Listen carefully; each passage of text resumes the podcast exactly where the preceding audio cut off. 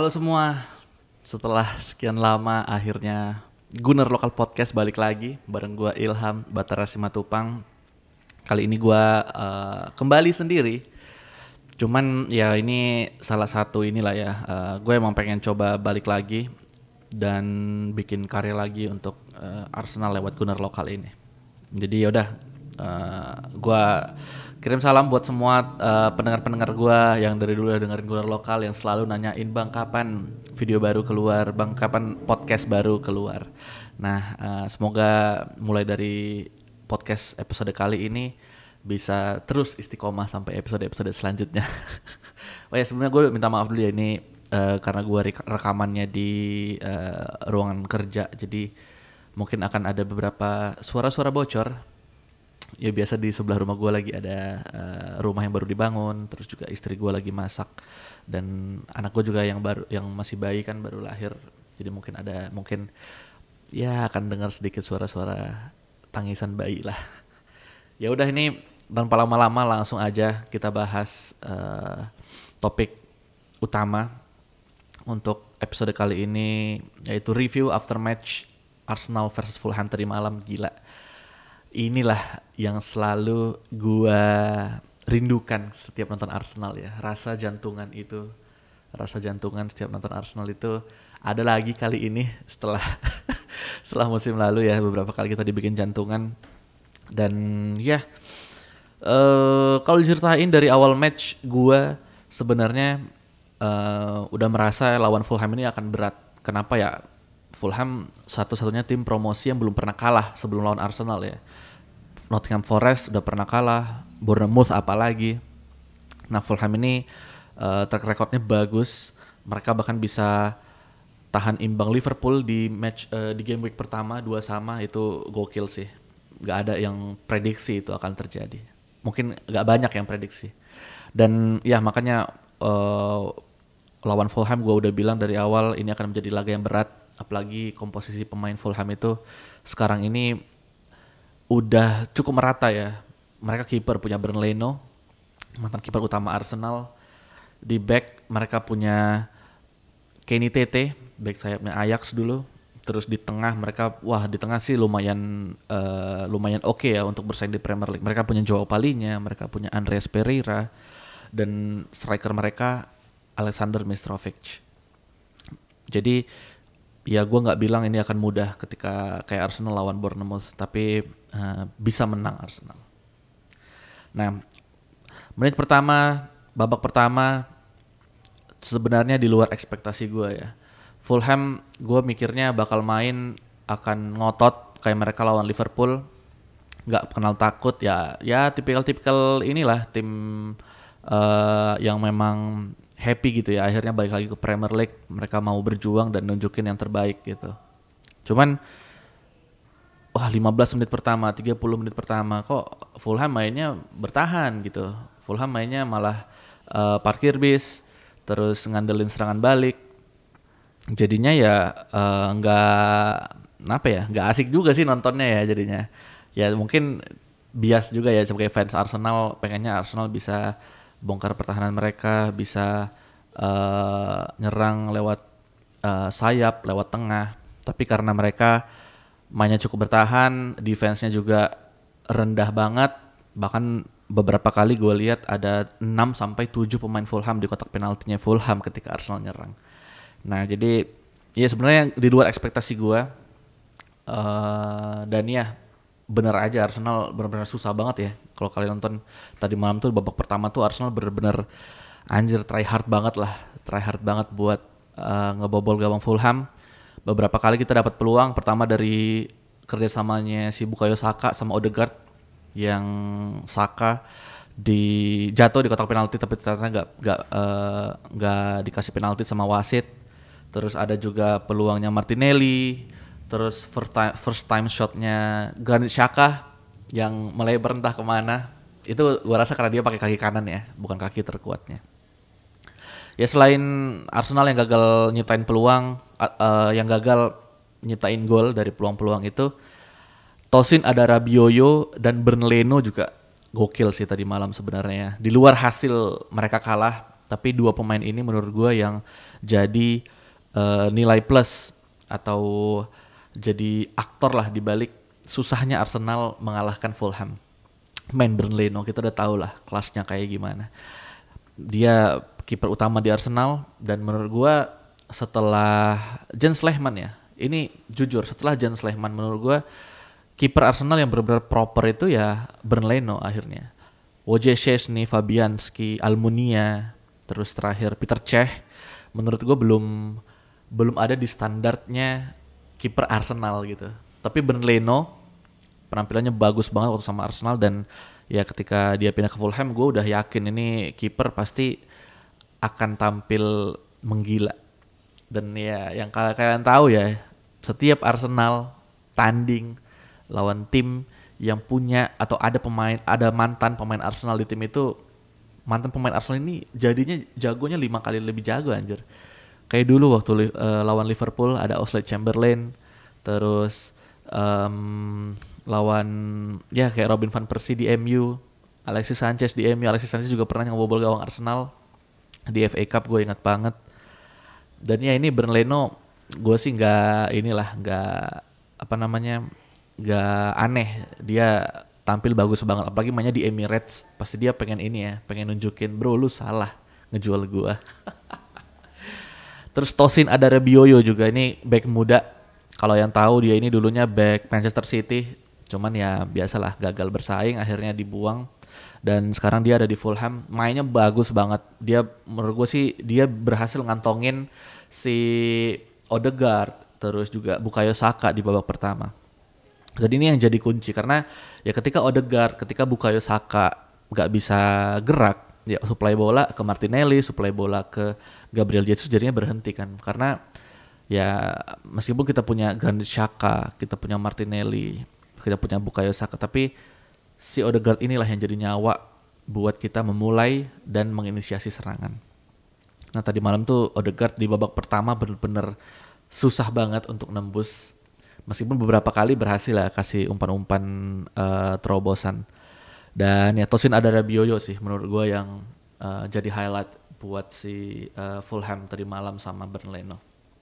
Ya, biar itu tadi babak pertama eh, kosong uh, sesuai prediksi lah ya Arsenal lawan tim low block defense. Susah banget susah banget untuk uh, untuk perform. Kita di musim lalu kayak lawan Burnley lawan Newcastle lawan Brighton itu kan mereka tahu ya Arsenal ini mainnya kayak gimana, Arsenalnya Arteta mainnya kayak gimana, akhirnya di uh, dicoba low block defense dan bener striker kita nggak bisa ngapa-ngapain musim lalu kayak Lacazette, Nketiah juga sempat, um, Aubameyang dan ya di musim ini uh, semuanya berubah ya, berubah. Babak kedua, di babak kedua Arsenal uh, eh Fulhamnya mainnya lebih lebih terbuka babak kedua Wah, gua satu momen itu sebelum golnya Mitrovic ya, sebelum blundernya Gabriel tuh ada satu peluang juga dari Fulham. Itu serangan balik si siapa tuh?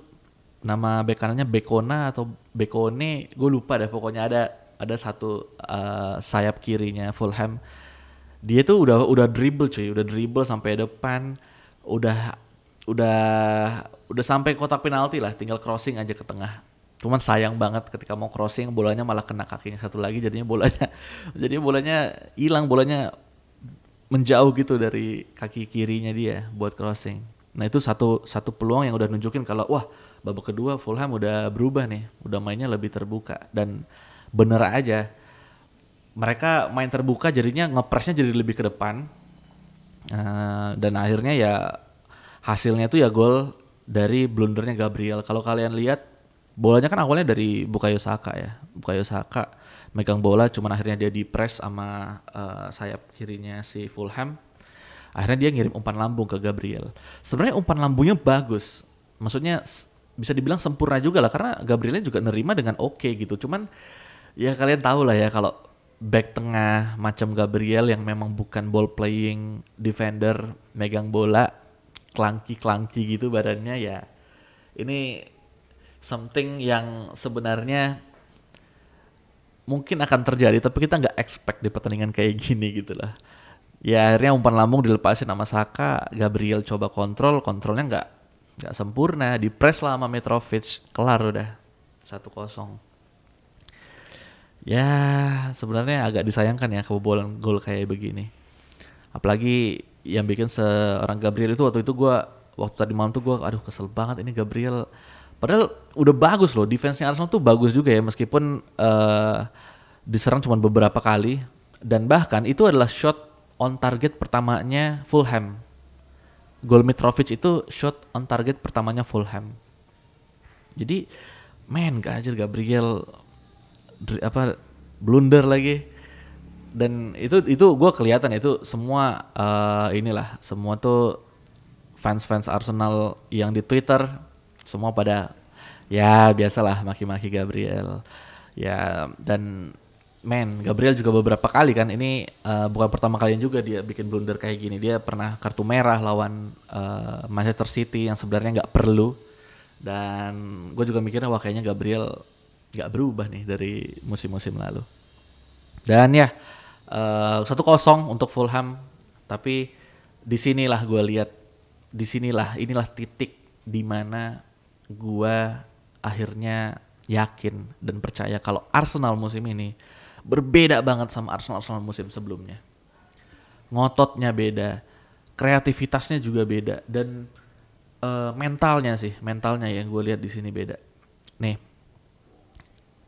Arsenal musim lalu kita uh, diceritain ya, di gue dengar dari komentator tadi malam kalau babak pertama Arsenal itu selesai eh, kosong-kosong, uh, Arsenal itu belum pernah menang, nggak pernah menang. Kalau misalnya me melewati babak pertama dengan skor kosong-kosong. Dan kali ini di pertandingan lawan Fulham itu semua berubah. Kita babak pertama kosong-kosong, terus kebobolan satu kosong. Dan man Odegaard, terus juga uh, Bukayo Saka dan um, Martinelli, Gabriel Jesus semua benar-benar ngotot dan pengen nyetak gol banget setelah kebobolan. Di situ Fulham mainnya udah mulai bertahan lagi cuy. Kalau kalian lihat golnya Odegaard itu tuh di di kotak penaltinya Fulham tuh sebenarnya udah udah pada rapet, udah pada rapi itu tujuh ada kali 6 sampai 7 pemain.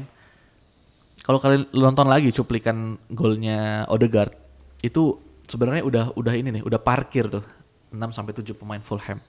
Cuman memang kalau menurut gua memang gol Odegaard ini sedikit dibantu dari deflect.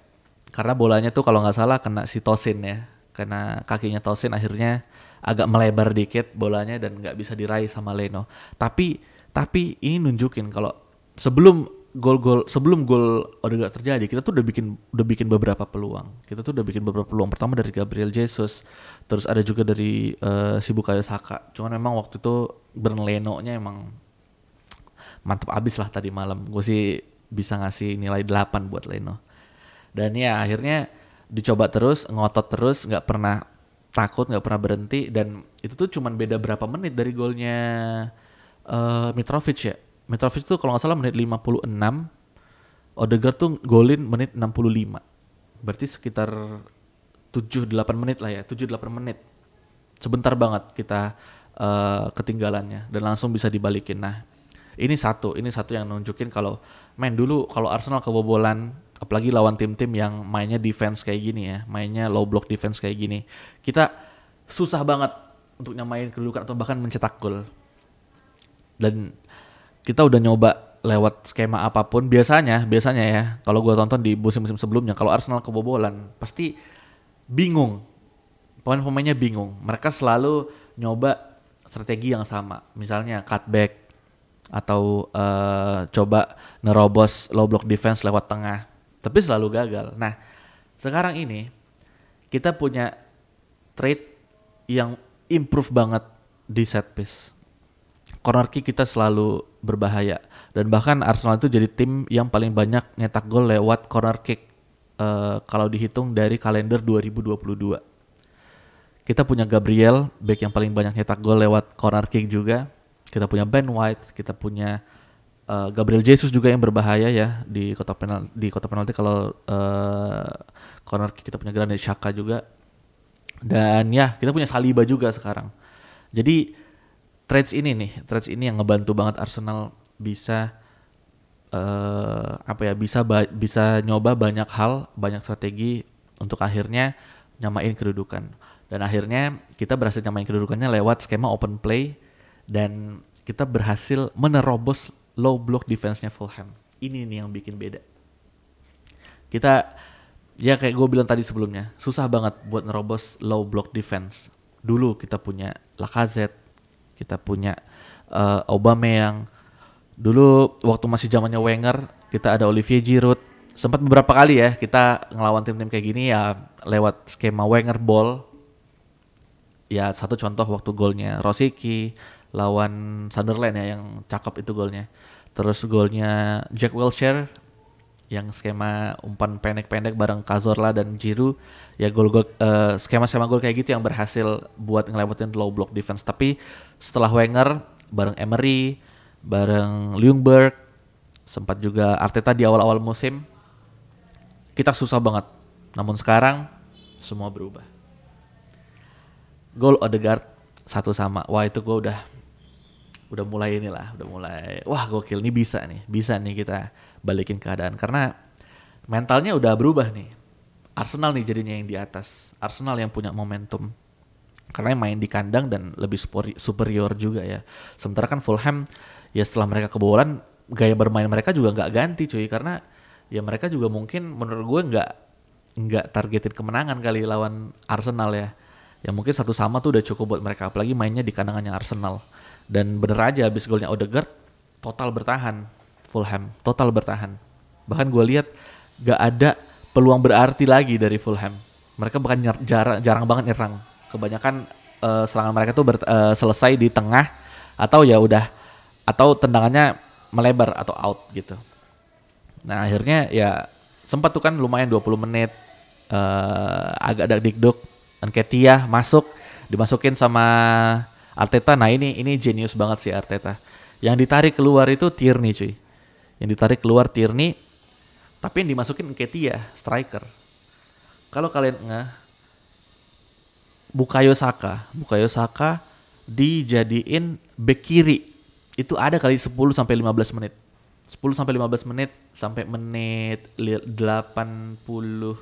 ya menit 80 lah. Itu tuh Bukayo Saka tuh jadi back kiri.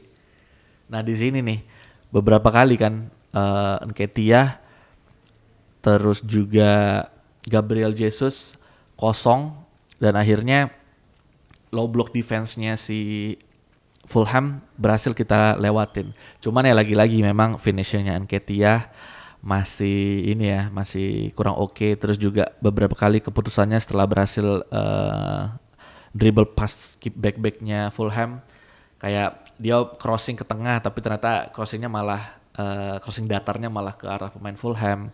Terus juga si Martinelli dari kiri dia berhasil masuk ke kotak penalti tapi lagi-lagi shooting dan shootingnya berhasil diblok sama Leno. Terus umpannya nggak nggak nggak menemui sasaran pemainnya si pemain Arsenal lainnya. Nah memang ini masih jadi PR tapi yang perlu di highlight adalah kemampuan kita untuk berhasil lolos atau ngelewatin low block defense dari tim-tim yang kayak gini. Ini ini yang yang yang yang perlu kalian highlight ya. Jadi nggak perlu dilihat lah. Wah, Nketiah finishingnya jelek banget. Wah, Martinelli maruk banget. Itu gue banyak liatnya. Gue lihat di Twitter, gue lihat di uh, Instagram juga. Banyak banget yang komen-komen kayak gitu. Tapi ya daripada kalian stres sendiri, ya kan? Kan itu nggak bisa kita ini ya maksudnya ya ya kalau lu protes juga lu nggak bisa nyampein juga langsung ke mereka gitu loh. Nyampein juga langsung ke Nketiah ke Martinelli jadi menurut gue daripada lu stres mikirin hal-hal yang negatifnya mending mikirnya di positifnya aja. Ya positifnya itu Arsenal sekarang kalian nggak perlu takut lagi. Mau lawannya main low block defense mau lawannya high defense udah punya banyak cara Arsenal buat ngelewatin itu. Selain lawan Fulham, kalau kalian nonton match pertama kita lawan Crystal Palace, itu low block defense-nya parah cuy. Joachim Anderson-nya tuh bener-bener ada di belakang, selalu rapih banget defense-nya. Dan hasilnya apa ya meskipun golnya juga satu bunuh diri, satu juga golnya eh ini ya, ya bisa dibilang juga nggak nggak seperti gol Arsenal pada biasanya. Tapi itu udah nunjukin kalau yang penting Arsenal bisa nyetak gol. Lawan tim dengan defense yang seperti ini, Arsenal bisa nyetak gol dan itu yang perlu kalian highlight. Jadi tenang aja, mau kita nanti lawan siapa yang susah-susah kayak lawan Brighton atau lawan uh, Burnley harusnya ya, cuman Burnley sekarang udah nggak ada. Ya mungkin lawan Nottingham Forest nanti tim promosi lainnya tenang aja. Mau mereka main low block defense, mau mereka main uh, kick and rush ala Premier League lawas, percayalah Arsenal bakal Arsenalnya Arteta musim ini bakal nemu beribu cara untuk melewati itu dan bisa nyetak gol. Dan buktinya kita berhasil unggul balik 2-1 lewat set piece. Lagi-lagi Gabriel Magales. Umpan dari Martinelli, cross uh, cornernya sempat kena atau ditepis sama Leno ya? Apa langsung ke kepalanya? Kayaknya ditepis dikit sama Leno, tapi tepisan Leno tuh kena ke kepala atau mukanya si Saliba akhirnya jatuh ke kakinya Gabriel Magales dan langsung aja jebret gol. Wah itu sih gila sih gol-gol kayak gini tuh emang gol-gol yang diciptakan untuk terjadi di menit-menit akhir cuy gol-gol gol-gol apa ya ini nih gol-gol yang ya kalau ngutip dari quotes Justin ini bener-bener gol yang jatuh dari langit tapi menurut gua ini nih emang udah dilatih sama Arsenal karena kan kalian tahu ya sekarang Arsenal udah punya uh, pelatih set piece jadi buat corner kick buat throw in tendangan bebas itu tuh ada pelatihnya sendiri Arsenal kalau dulu gue ingetnya yang pertama kali punya pelatih kayak gini tuh yang khusus untuk set piece tuh di Premier League itu si Liverpool. Nah Arsenal tuh udah punya juga sekarang dan buktinya ya men berapa kali kita nyetak gol lewat corner kick musim ini aja. Kemarin golnya Saliba, kali ini golnya Gabriel. Uh, waktu lawan Leicester City juga golnya Gabriel Jesus kan ada yang lewat uh, corner kick juga. Dan ya ini udah nunjukin kalau Arsenal tuh men punya banyak banget cara buat nyetak gol dan tadi malam Gabriel nunjukin itu. Gabriel back dengan jumlah gol terbanyak lewat skema uh, dengan jumlah gol terbanyak di Premier League ya. Kalau hitungan uh, kalender 2022 gampang banget lah buat nyetak gol lewat set uh, apa buat nyetak gol dari skema kayak gitu. Dan satu hal lagi yang gue senang banget dari Arsenal, main gak semua tim gak semua tim bisa menang lawan tim-tim yang kayak Fulham gini Fulham atau Crystal Palace ya bisa dibilang lawan Bournemouth juga ini nunjukin kalau mental Arsenal itu udahlah udah udah mental big team kalian lihat Manchester City lawan Newcastle mereka ketinggalan tapi karena mental mereka emang udah mental tim besar mental juara bisa disamain jadi tiga sama dengan menit yang bener-bener pendek gitu. Tadi malam juga mereka awalnya udah ketinggalan 2-0. Ketinggalan 2-0 sama Crystal Palace. Babak kedua total domination. 4-2 mereka menang hat-trick Haaland. Dan ini hal ini yang udah gue lihat dari Arsenal. Pertama lawan Crystal Palace. Lawan Crystal Palace itu kalian bisa bilang itu nggak bisa kalian bilang mudah ya. Itu susah banget lawan Crystal Palace. Cuman kita bisa menang 2-0. Lawan Leicester City juga. Oke, kita menang 4-2. Kita sempat beberapa kali uh, unggul. Tapi Leicester City berhasil bounce back. Dan kalau mental Arsenal masih mental tempe kayak kemarin-kemarin, nggak mungkin kita bisa menang 4-2 waktu itu. Dan tadi malam lawan Fulham, mainnya kayak gitu, mainnya benar-benar bertahan. Kita ketinggalan duluan 1-0 mereka terus bertahan lagi makin bertahan. Parkir bis parkir bahkan ada yang bilang di followers gue bilang parkir kereta gerbongnya banyak banget. Cuman kita berhasil menang.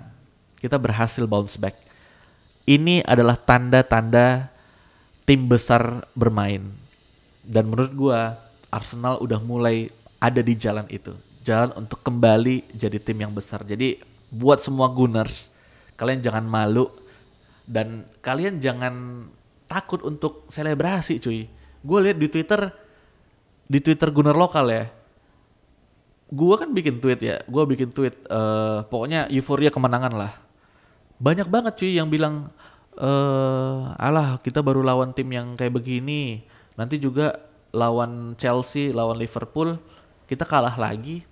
Alah paling lawannya karena cuman lawan eh, Crystal Palace, cuman lawan Bournemouth, cuman lawan Fulham. Ya nggak usah terlalu bangga lah. Men, Liverpool men lawan Fulham tuh seri. Ya, Liverpool lawan Fulham seri. Lawan Crystal Palace mereka kalah. Oke. Chelsea lawan Leeds mereka kalah. Manchester City lawan Newcastle mereka mereka seri. Menurut gua bahkan iya lebih baik kita bisa menang lawan tim-tim kecil kayak begini atau tim-tim yang levelnya di bawah Arsenal daripada kita menang lawan Big Six. Ya maksudnya ini kan kita mainnya liga. Jadi mikirnya itu ya harusnya main kalau misalnya nih Big Six anggaplah 6 6 tim ya. Di luar Arsenal berarti 5 tim. 5 tim berarti kandang tandang 10 laga. Oke, kita kalah. Kita kalah 10 match. Tapi lawan tim yang lain nih, berarti sisanya 14 tim yang lain, kita berhasil menang. Poinnya berapa cuy? Di situ aja liatnya.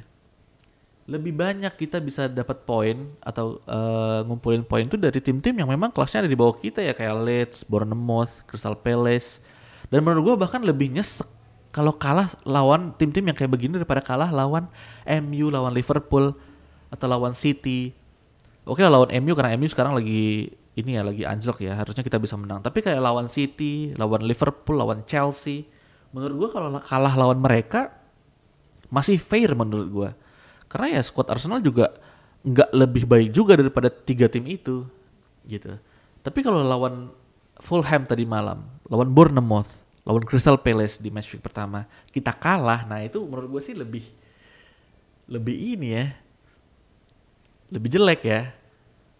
Karena harusnya kita bisa menang lawan tim-tim kayak begitu dan buat Gunners-Gunners yang mikirnya malah pesimis karena kita cuma bisa menang lawan tim-tim yang kayak gini itu kalian menurut gue sih salah. Itu harus dirubah sih mindsetnya. Itu harus dirubah guys. Karena nggak mudah cuy menang lawan Fulham, menang lawan Crystal Palace.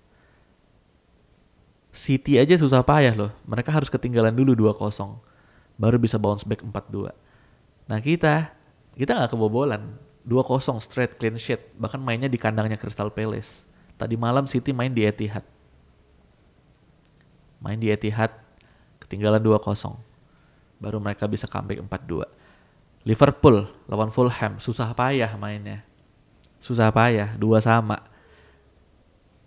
Kita memang susah payah juga, tapi kita menang cuy 2-1. Ya, Bournemouth juga 4-0. Liverpool bisa menang 9-0.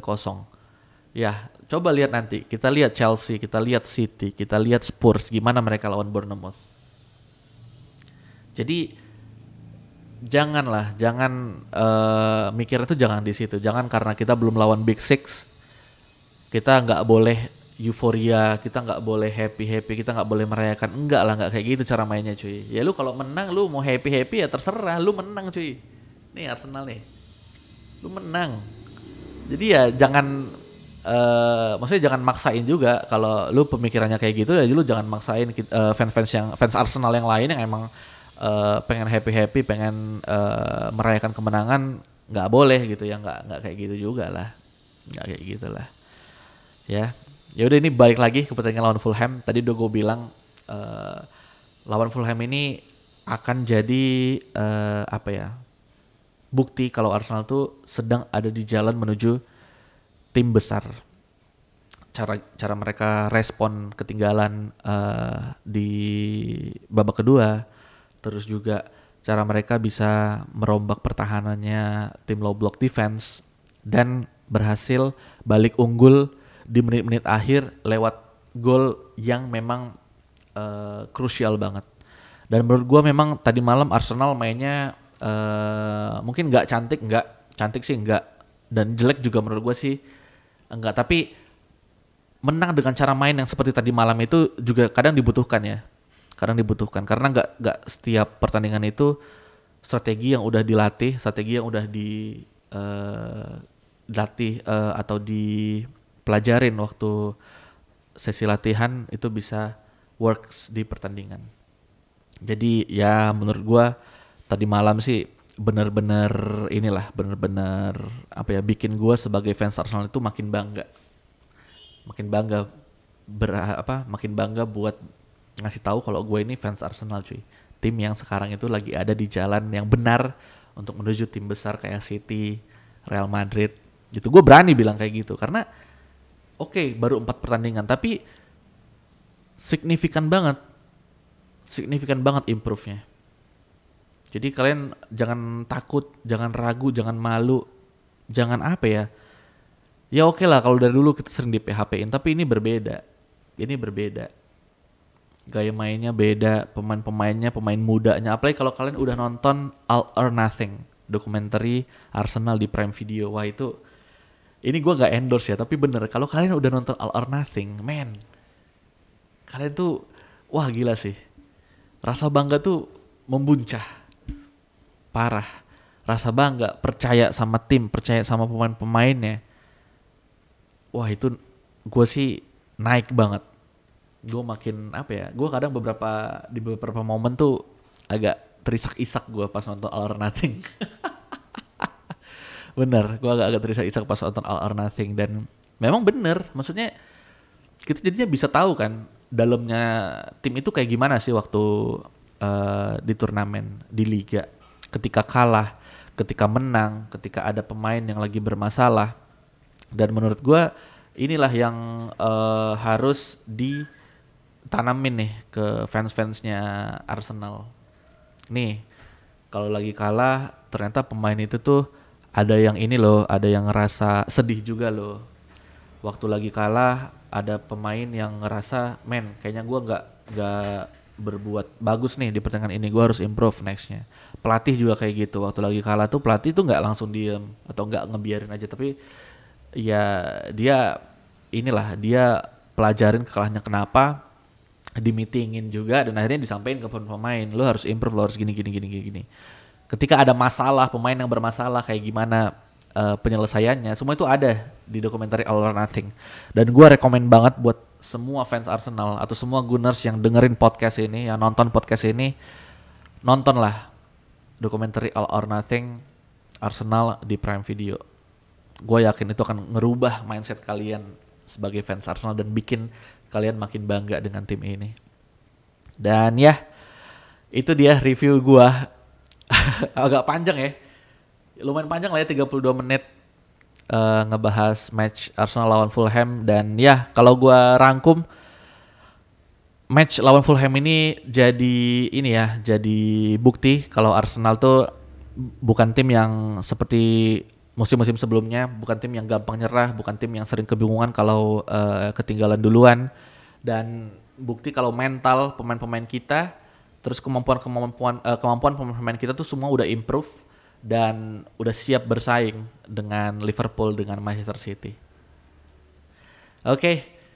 uh, eh, next next week kita lawan Aston Villa. Aston Villa lagi di form yang kurang oke okay ya. Mereka dua match pertama kalah. Um, nanti mainnya itu di coba gua cek dulu ya. Uh, kayaknya mainnya di ini deh, tandang deh ke ini. Apa kandangnya Aston Villa? Villa Park. Wait wait wait wait. Hari iya oh enggak kita main di kandang lagi. Kita main di Emirates. Hari Kamis jam wah setengah dua cuy. Setengah dua pagi. Hari Kamis lagi itu hari kerja ya kayaknya gue nggak bikin watch party. Ya kita lawan Aston Villa dan menurut gue uh, ini bisa lah ya menang ya dan harusnya kalau bisa menang modalnya bagus banget. Karena setelah lawan Aston Villa kita lawan MU MU sekarang lagi bagus cuy. Dua kali menang berturut-turut lawan Liverpool tadi malam juga menang lawan uh, lawan Southampton. Nih Arsenal hari Minggunya. Hari Kamis kita lawan Aston Villa hari Minggu jam setengah sebelas kita main lawan MU di Old Trafford jadi kalau bisa menang lawan Aston Villa harusnya mood pemain jadi bagus lawan MU bisa gampang oke okay, itu aja untuk podcast episode kali ini dan Kali ini gue mau namain episodenya itu Gunner Coaster sesuai dengan apa yang gue alamin di pertandingan lawan Fulham tadi malam ya. Jantungan seperti naik roller coaster, naik turun ya tensi nih. Dan ya, thank you buat teman-teman yang udah dengerin, yang udah nonton juga. Terima kasih udah tetap nungguin Gunner Lokal episode-episode podcastnya dan doakan juga dan selalu request ke gue ya biar gue jadinya uh, pengen terus untuk bikin episode podcast. Thank you semuanya. Gue Ilham Batar Simatupang dari Gunner Lokal pamit. Sampai jumpa.